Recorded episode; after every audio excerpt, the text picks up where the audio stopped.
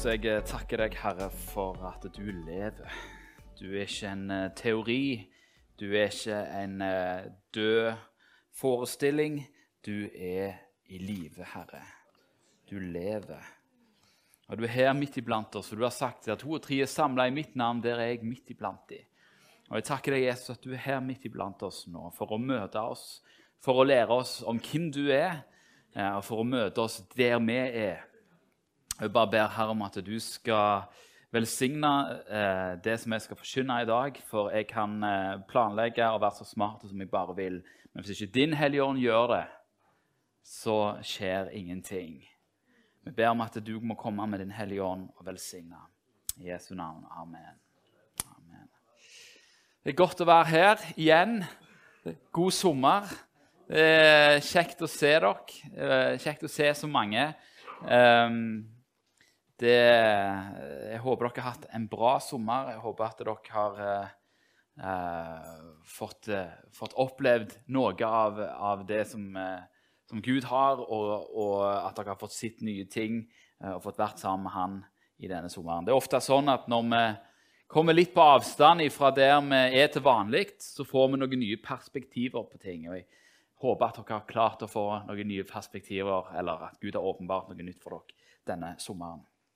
Eh, I dag så skal jeg eh, tale om noe som eh, virker litt Kan virke litt sånn obskurt, men jeg tror at det er, noe, det er noen sånne skjulte skatter i Bibelen. vet dere. Så jeg skal fortelle en historie egentlig i dag om, som står i Bibelen, og knytte noen tråder. Hvis du leser deg gjennom Salmenes bok i Bibelen, i Gammeltestamentet, så vil du merke til at, eh, legge merke til at salmen ofte begynner med å oppgi forfatteren av denne salmen. Den mest kjente forfatteren i Salmenes bok er David. Men det finnes òg mange andre, som Salomo, en som heter Asaf og Etan. Blant disse forfatterne så dukker da denne gruppa opp, som da blir kalt for Koras barn. Og I dag så skal vi se litt nærmere på hvem Koras barn er. Vi skal studere salmene, altså de sangene som de skrev. Og så skal vi se hva deres, denne gruppa, eh, deres historie og deres salmer kan vise oss og lære oss om Gud og om evangeliet om Jesus Kristus. Nå, Kåras barn de er oppgitt som forfattere av en sånn 11-12 salmer. Jeg sier 11-12 fordi salme 42 og 43 ser ut til å ha vært én salme opprinnelig. Eh, hvis dere leser de, så ser dere at de har mye av de samme ordene med seg. Eh, ellers er salmene da 42 til 49. Det er salmene 84 og 85 og 87 og 88. Så jeg kommer til å hoppe litt i disse salmene gjennom denne teksten, eller gjennom denne talen. Når Det som slår en når en leser salmene som er skrevet av Kåras barn, det er at de tar med seg hele bredden av menneskelig erfaring og alle menneskelige følelser. I salmene som er skrevet av Kåras barn, så, så møter vi jubel og lovprisning med håp. Vi møter endeløse lengsel. Vi møter bønn om tilgivelse. Vi møter bunnløse fortvilelse. Eh, og på 11-12 salmer, det å romme alt dette Vi kan jo da spørre oss hvorfor rommes alt dette i, i, i deres salmer. Og kanskje vil da historien til Kåras barn si noe om dette.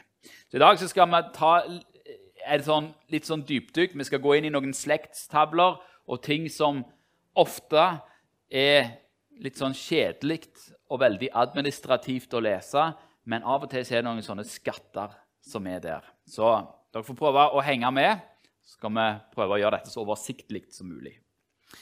Koras barn de var levitter, dvs. Si av Levi-stamme. Og Levi stamme den var den av Israels tolv stammer som var tilsidesatt for Gud. Eh, hele deres arbeid var sentrert rundt helligdommen, rundt gudstjenesten og rundt ofringene. Først rundt tabernakelet i ørkenen og, og, rundt i Israels land, og da senere rundt tempelet i Jerusalem. Og han er Levi han har tre sønner. Gershon, eller Gershom eh, Bibelen klarer ikke helt å bli enige med seg sjøl hvordan dette navnet skal uttales. Du har Kahat og Merari. Eller Merari, sikkert, hvis du skal ta det med hebraisk aksent. Disse tre utgjør da familiegrupper av levitter, og de har forskjellig ansvar i tabernakelet. Det er rundt 7000 mann i hver av disse gruppene eh, og i, eh, på Moses' i tid. Og I 4. Mosebok 3 så kan dere lese om hvordan disse familiegruppene hadde forskjellig ansvar rundt tabernakelet, rundt, eh, rundt eh, helligdommen. Gershon tok seg da av selve, hel, altså selve teltet. Det var deres ansvar. Eh, og dekket som lå rundt forgården. Kahat i midten da, tok seg av de hellige gjenstandene i tabernakelet. Altså selve arken, selve alteret, lysestakene, forhenget Alle sånne ting var det de som bar. Mens Merari tok seg av da, stolper, planker og rammeverk. Dette var deres oppgaver. Og Når de var da i ørkenen, så gir det jo da mening at det er det som er oppgavene deres. Du trenger noen til å bære dette teltet, for det flyttes jo hele veien. På Davids tid så, så flytta man ikke teltet lenger. Eh, og David la jo da òg eh, grunnlaget for byggingen av tempelet, som da skulle være permanent. Dermed var det ikke noe behov lenger for å, eh, for å bære på, på, gjenstander eller flytte telt eller sånne ting. Så da får disse her andre oppgaver. Og I 1. krønikebok 6, 18-47, så kan vi lese at på kong Davids tid så blir det tre menn, én fra hver av disse familiegruppene, satt til å lede lovsangen sammen med sine sønner. Så de da, får da en ny oppgave. De har nå i eh, flere hundre år eh, vært båret rundt på ting, men nå skal de da bli satt til lovsangen. Og Disse tre er da fra Gershon, Asaf. Fra Kahat er det er da Heman, og han er da leder for Koras barn. så vi skal fokusere på de. Og så er det da Etan, som også blir kalt for Jedutun. Han er da fra Merari. Alle disse skrev salmer, som du finner i Salmenes bok. Eh, Heman er da overhodet over den undergruppen av Kahat som kalles for Koras barn. Så Disse her er da lovsangslederne i det gamle Israel. Mot slutten av Davids liv så får sønnene deres enda videre fullmakter enn bare å lovsynge. I 1. Krønikebok 25-21 kan vi se at eh, så skilte David og hærførerne ut til gudstjenesten Asafs og Hemans og Jedutuns sønner som skulle profetere ledsaga av sitarer og harper og symbler. Så ikke bare skal de lovsynge, de skal òg profetere ledsaga til dette. Så de får en viktig rolle.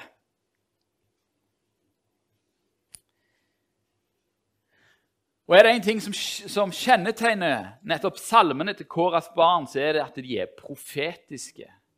De ser og skuer langt fram bl.a. Salme 48. Jeg skal lese, vi skal ikke lese hele salmen, jeg skal ta noen sånne utdrag fra den, men dere kan jo lese hele hvis dere vil. Salme 48, en sang, en salme av Kåras barn. Dette er en Jerusalemssalme, som er en hyllest til Jerusalem, som jo er forståelig, for det er jo der Kåras barn hadde sitt arbeid, og der de var, som er sentrert rundt at Gud bor i Jerusalem. En sang, en salme av Kåras barn. Stor er Herren. Høyt er Han lovprist i vår Guds by, på Hans hellige berg.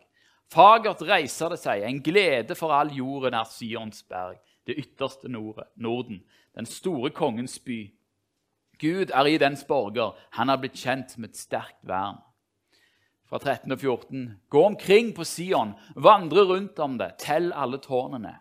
Gi akt på festningsvollene og vandre gjennom dets borger, så dere kan fortelle om det til den kommende slekt. For denne Gud er vår Gud for evig. Så langt er det jo bare en vanlig lovprisningssalme av Herren og av Hans by. Men så kommer det.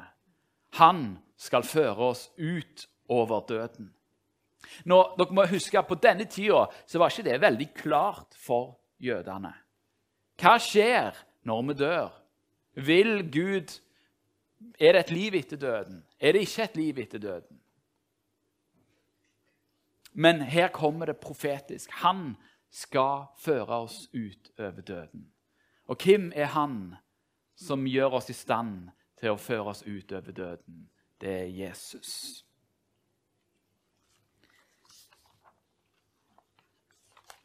I Salme 87 så får vi òg se dette profetiske tilsnittet til Kåras barn.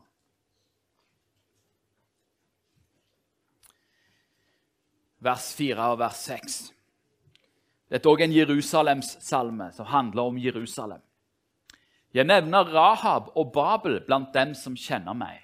Se Filisterland og Tyrus sammen med Etiopia. Denne er født der. I vers 6. Herren skal telle når folkene blir oppskrevet, og si:" Denne er født der, og han, den høyeste, gjør det fast. Når Rahab og Babel Rahab er et annet navn på Egypt. Babel er jo Babylonia. Filisterland og Tyrus sammen med Etiopia. alle landene som lå rundt Israel. Og som på mange måter var fiender av Israel. På denne tida var de, disse landene fiender. De var, de var ikke en del av arven. De var ikke Guds folk. Men Kåras barn de profeterer om noe som kommer. At en dag så skal Filisterland og Tyrus, Etiopia, Rahab og Babel alle de skal bli kalt Guds folk. Alle skal bli sagt 'Denne er født der.' Jo, hvor hen? I Jerusalem. Herren skal telle når folkene blir oppskrevet og si 'Denne er født der'. Og han den høyeste gjør det fast. Hva var det Bernt leste i åpenbaringen? Det var alle folkeslag, alle eh, tungemål, alle raser. Alle mennesker på jorden skal være født der i Jerusalem. Så man peker framover. De profeterer. Nå har jeg jo fortalt om Heman og jeg har fortalt om Koras barn, men hvorfor heter de Koras barn? Hvem var Kora? Hvem var hans barn? Da må vi tilbake til slektslinja. Eh, hvis vi går litt tilbake, så husker dere at Levi han hadde da tre sønner. Gershon, Kahat og Merari. Og Nå skal vi se litt på ungene til Kahat. Barna til Kahat. Kahat han hadde da fire sønner. Amram, Jishar, Hebron og Ussiel. Når Amram sine sønner var Aron og Moses, mens Jishars sønn var Kora. Så hvis dette er i rette linje, så er da Kora søskenbarnet til Moses og Aron. Når Aron er, eh, hadde jo en spesiell rolle blant Kahats folk, blant levittene. For han var jo da presten. Så mens resten av Kahat skulle bære ting rundt i tempelet, så var det Arons rolle og, faktisk, og hans sønners rolle å faktisk da utføre eh, ofringene, prestetjenesten. Det var han som eh, ofra, det var han som gikk inn i tempelet. Ingen av de andre hadde lov å gå inn i tempelet. Det var det bare Aron og hans etterkommere som hadde. Og i, eh, i 4. Mosebok 16, 1-3, så møter man da Kåra. Nå skal vi lese litt om de. Eh, det har jeg ikke oppe, så jeg skal, jeg skal bare lese det. Dere kan slå opp sjøl. Så står beretningen om Kåra. Eh, fire, fjerde Mosebok 16,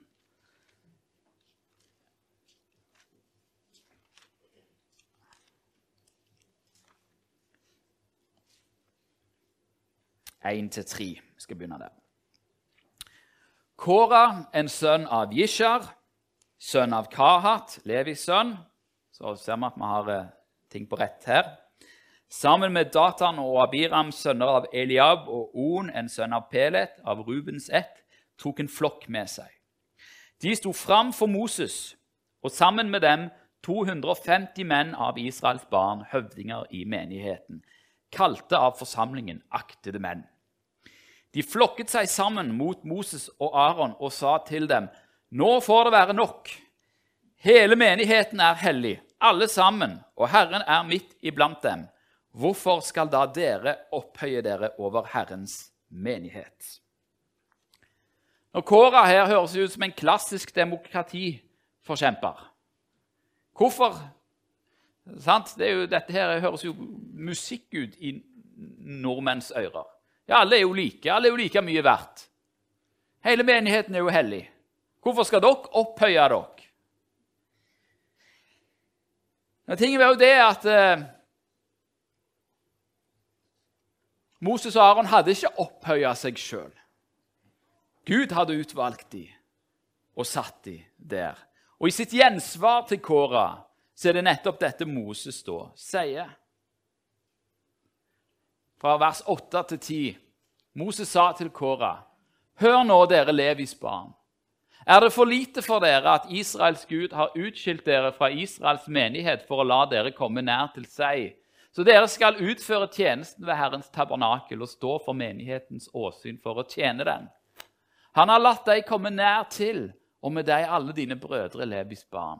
Og nå vil dere også ha prestedømme. Ja, Kåra var jo ingen hvem som helst. Han var søskenbarnet til Moses. Han var en del av Levis stamme. Han hadde en viktig oppgave som var mye viktigere enn veldig mange andre i Israel. De fikk ikke, komme, eh, de fikk ikke ta på disse her gjenstandene. Men det gjorde Kahats folk. Det gjorde eh, Kåra. Kåra hadde en viktig posisjon, men han så ikke det.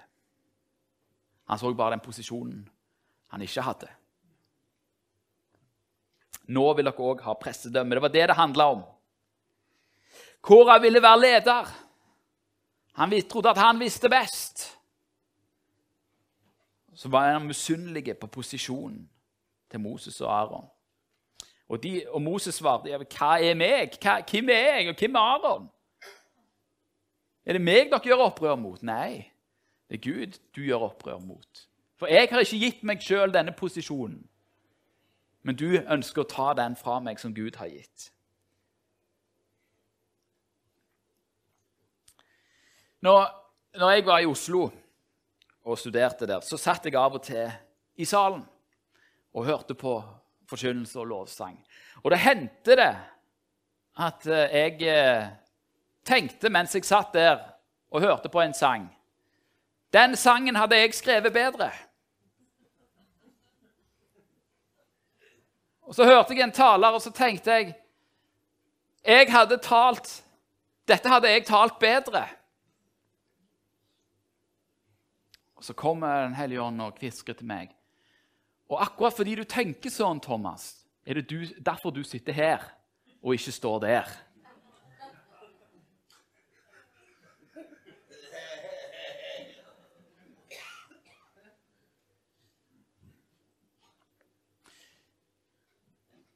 Misunnelse er en alvorlig ting. Mitt fokus var ikke rett. Istedenfor å tenke 'Her har Gud satt meg', og Gud vil at jeg skal gjøre en tjeneste for ham her, så var jeg mer opptatt av den tjenesten noen andre hadde. Og det er jo alvorlige ting, da, fordi i 4. Mosebok 1632 så står det at jorden åpnet sitt gap og slukte dem og deres boliger og alt det folk som tilhørte Kåra, og alt de eide. Det blir resultatet. Kåra omkommer fordi han gjør opprør, ikke mot Moses, men mot Gud. Og så står det da, når denne historien fortelles en gang til, så passer man på å minne om at eh, 4. Mosebok 26, 11, så står det at men Kåras barn omkom ikke. Så Her ser man da både dom over synd, men òg nåde. At den dommen som ramte Kåra, den ramte ikke hans barn. De fikk leve.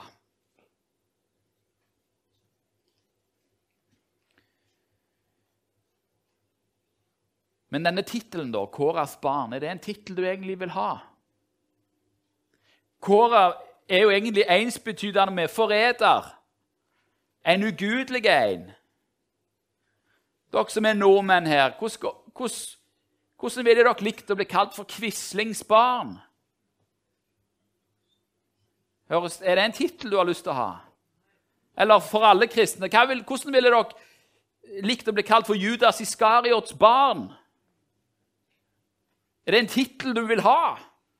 Nei, det er jo ikke det. Så hvorfor blir de kalt for dette? Jeg ville kvitte meg med det familienavnet så fort som bare rakkeren. Men kanskje beholder de det nettopp fordi at eh, Ja, men for, for å vise Guds nåde.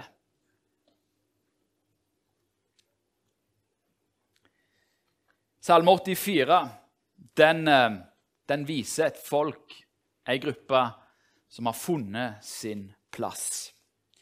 Kanskje det, gir denne salmen litt mer mening nå. Salme 84, vi skal lese vers 1-3 og 10-13. Til sangmesteren etter Gittit av Kåras barn, en salme. Hvor elskelige dine boliger er, Herre, herskernes Gud. Min sjel leng lengter, skal det være, ja, fortæres av lengsel etter Herrens forgårder. Mitt hjerte og mitt kjød roper med fryd til den levende Gud. For en dag i dine forgårder er bedre enn ellers tusen.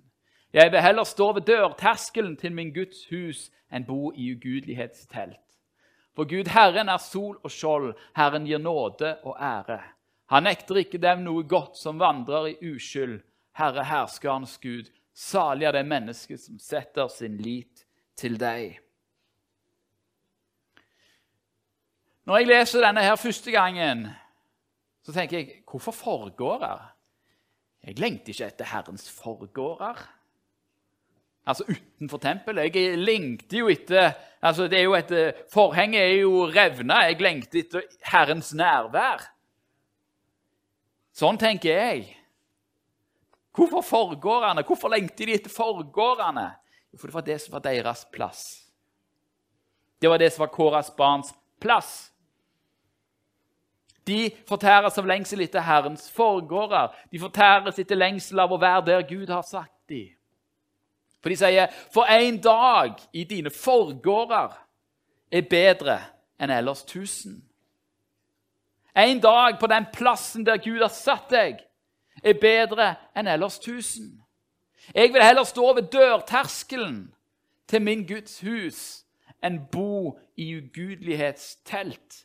Jeg vil heller stå ved døra, på den plassen jeg har blitt gitt, enn å være konge og hersker uten at det er Gud som har velsigna det.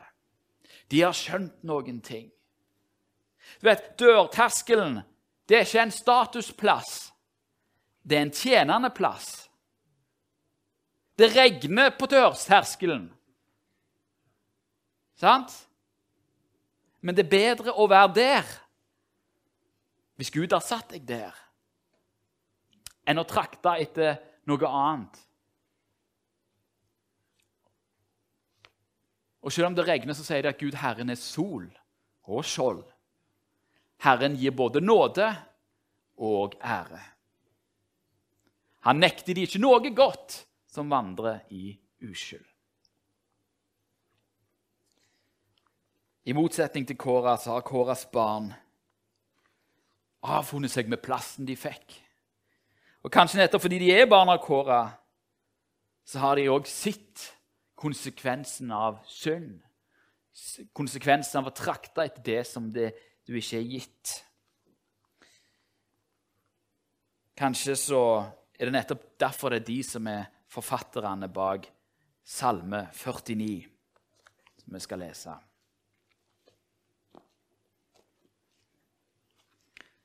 Skal lese fra vers 8 til 16 i Salme 49.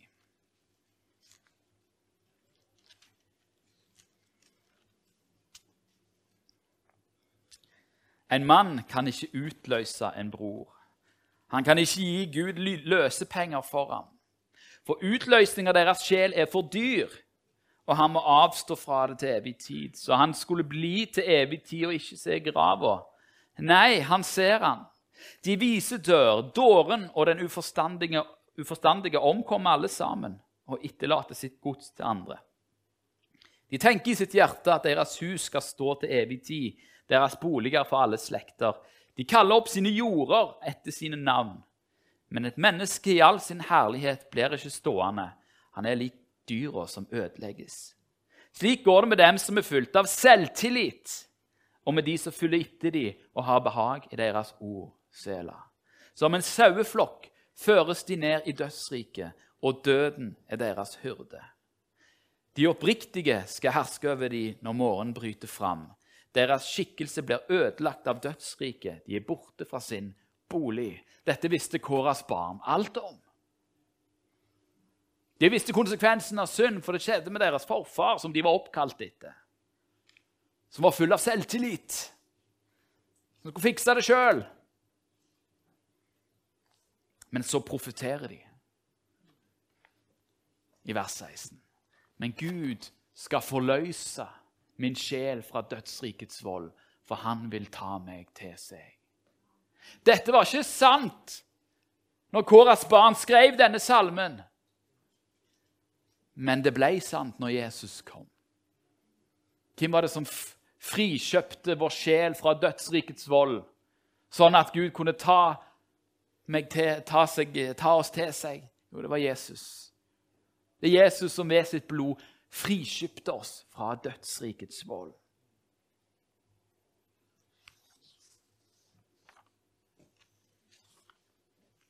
Kåras barn de innser at syndens pris er for stor å betale.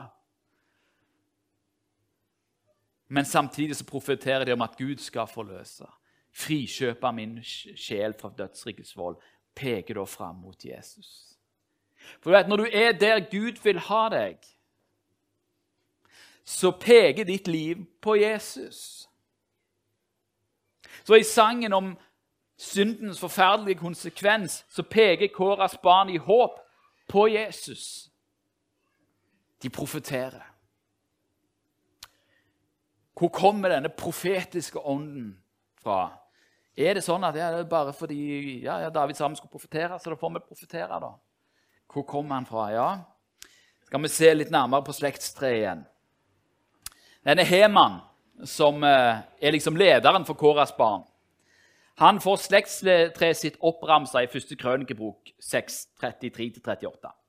Jeg skal her ta han da i motsatt rekkefølge fra Levi, enn sånn som det står. Det begynner da med Levi, Kahat, Jishar og Kora. Så langt, det er så langt vi kom i den forrige rekka.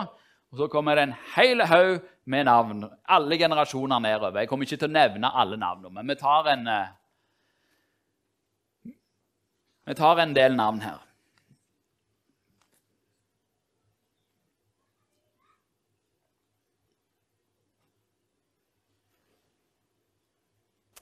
Så stopper vi der. Denne, det er jo tre elkanaer her, men uh, denne elkana han uh, står det beskrevet om i, uh, i 1. Samuels bok. For denne elkana hadde to koner, ei som heter Hanna og ei som heter Peninna. Og Peninna hadde barn, men Hanna hadde ikke barn. Men så ba hun til Gud, og så fikk hun Samuel.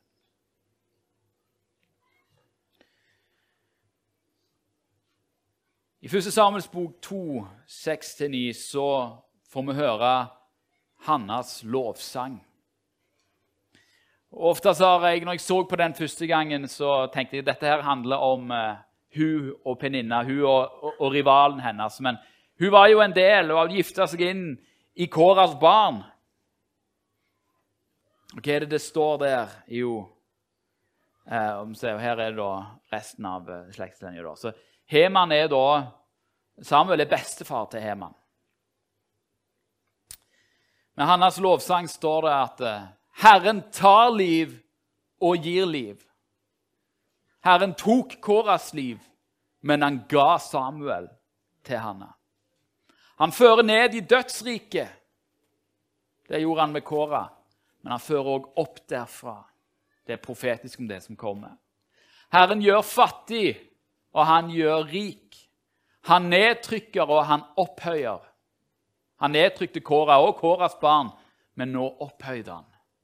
Han reiser den ringe av støvet, han lufter den fattige opp av smusset for å sette ham hos fyrster og gi ham et ærefullt sete.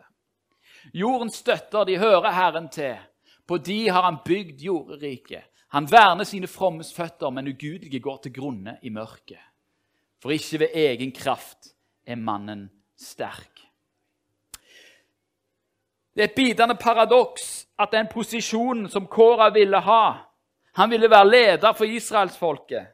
Han forsøkte å ta den posisjonen. Med den forferdelige konsekvensen som det fikk. Den posisjonen blir gitt til en av hans etterkommere. Han ville bygge seg sjøl et stort hus. Et hus for framtida. Med den konsekvens av at Kåras barn ble liksom Ja, ja. De ble jo nedtrykt. De var jo barna forræderen. Det var ikke et veldig flott hus. Men opp av Kåras barns hus så reiser Samuel opp. Den fremste profeten etter Moses, som innsetter både Saul og David som konger i Israel.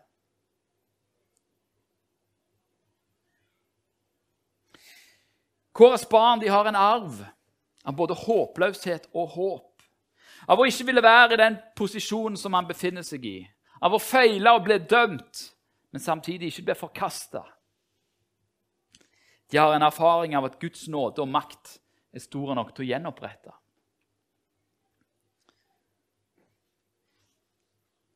Jeg tenker Når du har Samuel i slekta, hvorfor er da ikke blitt kalt Samuels barn? Hvorfor Kåras barn? De salmene som er skrevet, er jo skrevet etter Samuel. Hvorfor insisterer du fremdeles på å bli kalt Kåras barn? Nå var de en større gruppe da enn Samuels barn, men likevel. Jeg ville hete Samuels barn glatt. Min bestefar var Samuel. Samuel Jeg vil mye heller bli kalt det enn Kåras barn. Kanskje det er nettopp derfor. Hvem hadde fått æren hvis de hadde vært Samuels barn? Jeg er Samuels barn. Jeg kan sole meg i glansen av det. Sant? Å ja, du er etterkommer av Samuel, ja. Ja, deg må vi se på. Du har med respekt. Kåras barn gir ingen ære. Kåras barn, Gud det er ingen ære i å ha det navnet. Men det vitner om Guds miskunnhet. Dermed blir kanskje Salme 2 mer forståelige. Jeg leser Salme 42. Fram til vers 6. Til sangmesteren en læresalme av Kåras barn. Som en hjort skriker etter rennende bekker, slik skriker min sjel etter deg, Gud. Min sjel tørster etter Gud, etter den levende Gud. Når skal jeg komme og tre fram for Guds åsyn? Mine tårer er min mat dag og natt, fordi man hele dagen sier til meg, 'Hvor er din Gud?' Dette må jeg minnes og utøse min sjel i meg, hvordan jeg dro fram i den store skaren, vandret med den til Guds hus med fryderop og lovsangslyd, en høytidsskare. Hvorfor er du nedbøyd, min sjel, og bruser i meg? Vent på Gud, for ennå skal jeg prise ham for frelse fra hans åsyn.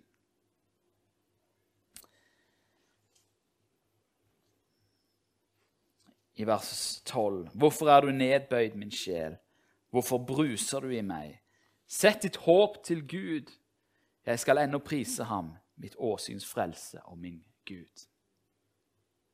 Kanskje er det fordi at Kåras barn i sin slekt har både forræder og sann profet.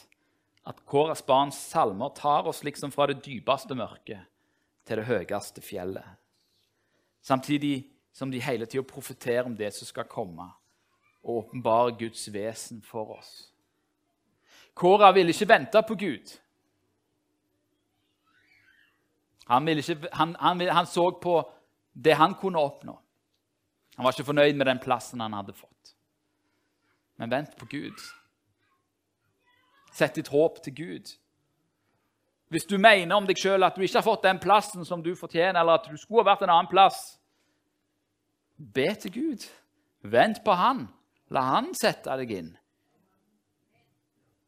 Ikke gå i krig med folk. Og søk dine egne ambisjoner.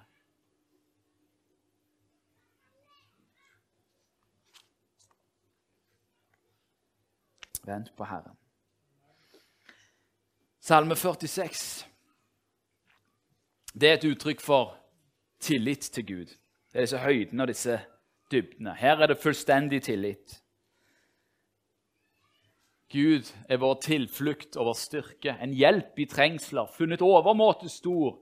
Derfor frykter vi ikke om jorden vakler, om fjell skakes i havets hjerte, om dets bølger bryter og bruser, og om fjell skjelver ved dets overmot. Fullstendige tillit. Amen til det. Men samtidig skal man være ærlig i livet.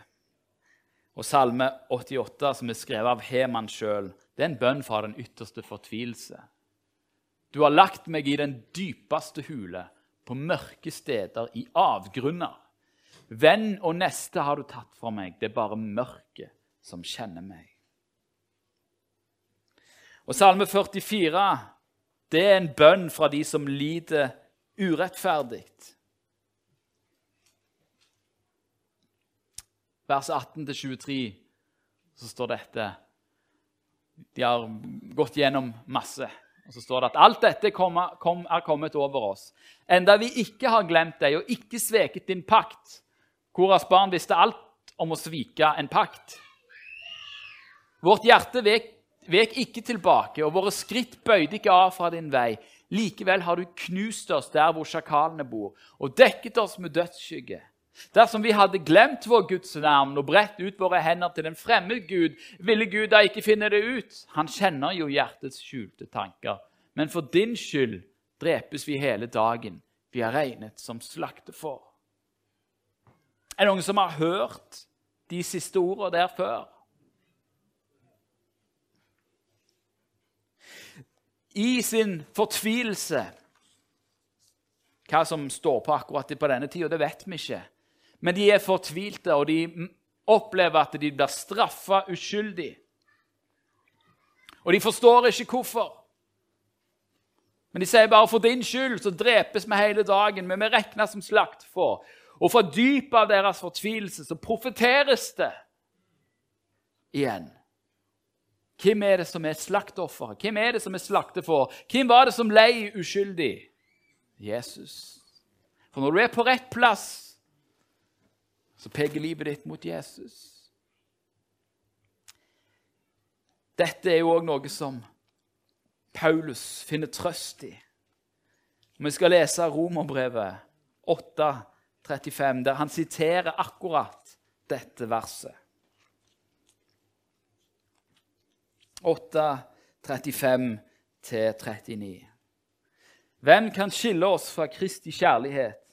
Trengsel eller angst eller forfølgelse eller sult eller nakenhet eller fare eller sverd? Som skrevet står, for din skyld drepes vi hele dagen. Vi blir regnet som slaktefår. Men i alt dette vinner vi mer enn seier ved Ham som elsket oss. For jeg er viss på at verken død eller liv, verken engler eller krefter, verken det som nå er, eller om det som komme skal, eller noen makt, verken høyde eller dybde eller noen annen skapning skal kunne skille oss fra Guds kjærlighet i Kristus Jesus, vår Herre. I sin, for, i sin fortvilelse, i sin i forfølgelse, som Paulus opplever, så finner han trøst i Kåras barns salmer. Og det har vært en trøst, ikke bare for Paulus, men for alle kristne siden. Og så blir da barna av forræderen blir da sånne som skriver salmer som blir til velsignelse 1000 år etterpå, 2000 år etterpå, kanskje 3000 år etterpå, til den dag i dag når vi sitter her på Betel. Disse ble skrevet for flere tusen år siden. Og så kan vi finne trøst i dem når, når, når ting blir urettferdig i våre liv, og vi blir urettferdig behandla, og ting ikke skjer sånn som det burde, og vi blir eh, anklagt og, og hunsa og, og mobba fordi vi er kristne og tror på Jesus, ja, så har Kåras barn allerede skrevet om det.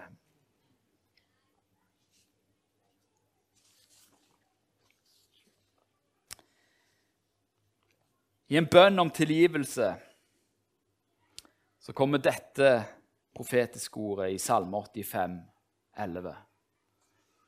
Nåde og sannhet skal møte hverandre. Rettferd og fred kysse hverandre. Nåde og sannhet. Nåde og sannhet skal møte hverandre. I Johannes 1, 17. For loven ble gitt ved Moses. Nåden og sannheten kom ved Jesus Kristus. De skrev om noe som kom, noe som skal skje. Nåde og sannhet skal møte hverandre. Og de møttes i Jesus Kristus, som kom med nåden og sannheten. Men krona på verket til Kåras barn er kanskje Salme 45, med en bryllupssalme og en kongesalme, som beskriver kongen og bruden, og som i sitt profetiske syn åpenbarer at både at Messias er Gud, så peker det òg fram mot enden, mot det som ennå ikke har kommet. 7 og 8, vers 14 og vers 18. Din trone, Gud, står fast for evig og alltid. Rettvishets kongestad er ditt rikes kongestad.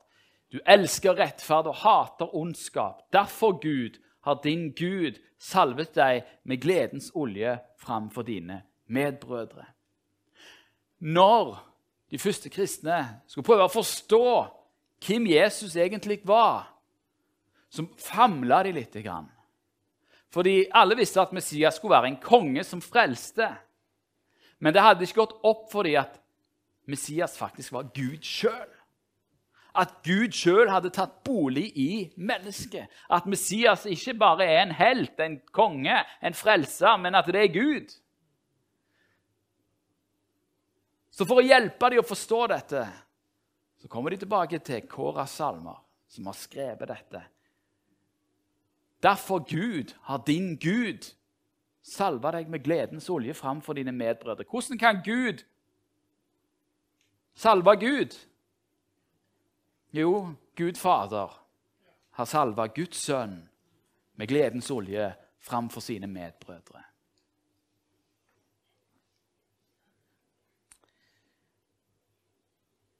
Og så står det noe vakkert også om kongsdatteren.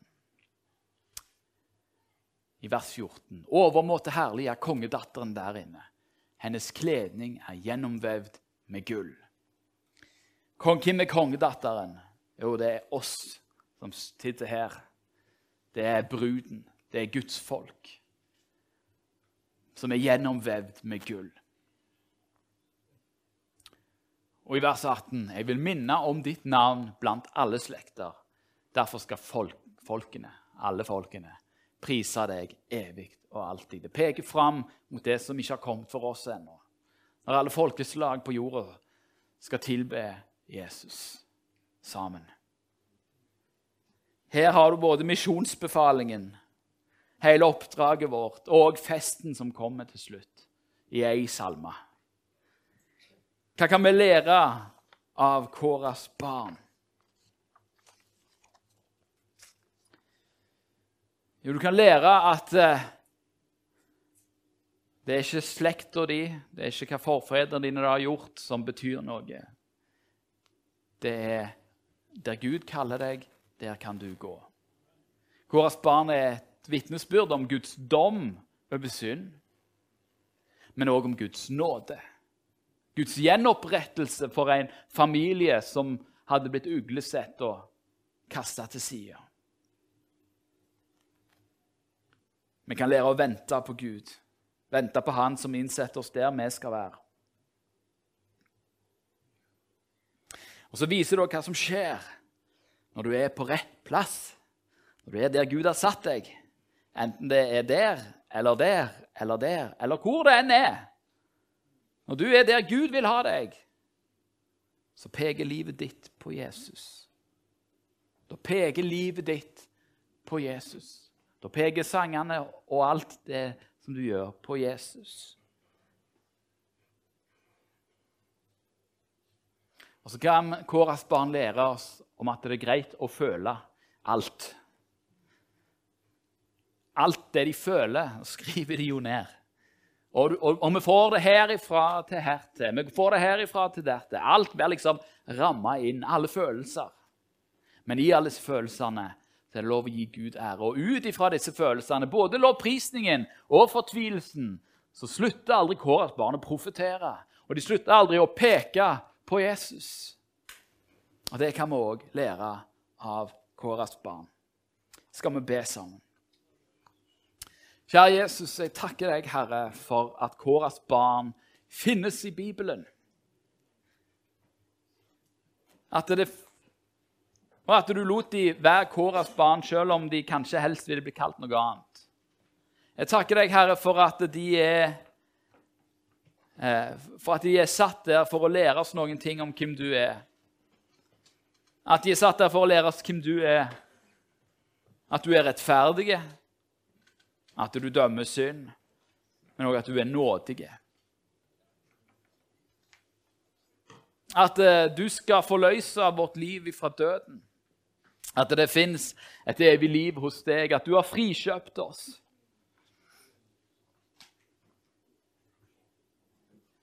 Kjære Jesus, vi, kan lære om at det, med å være fornøyd med der vi er.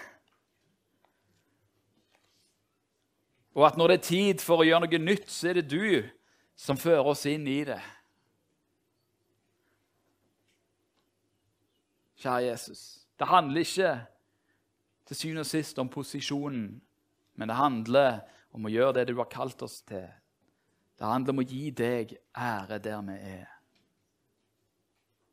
Og så blir det til velsignelse, ikke bare for oss, men for de rundt oss, og i generasjoner til å komme. Takk, Herre, at Kåras barns ord,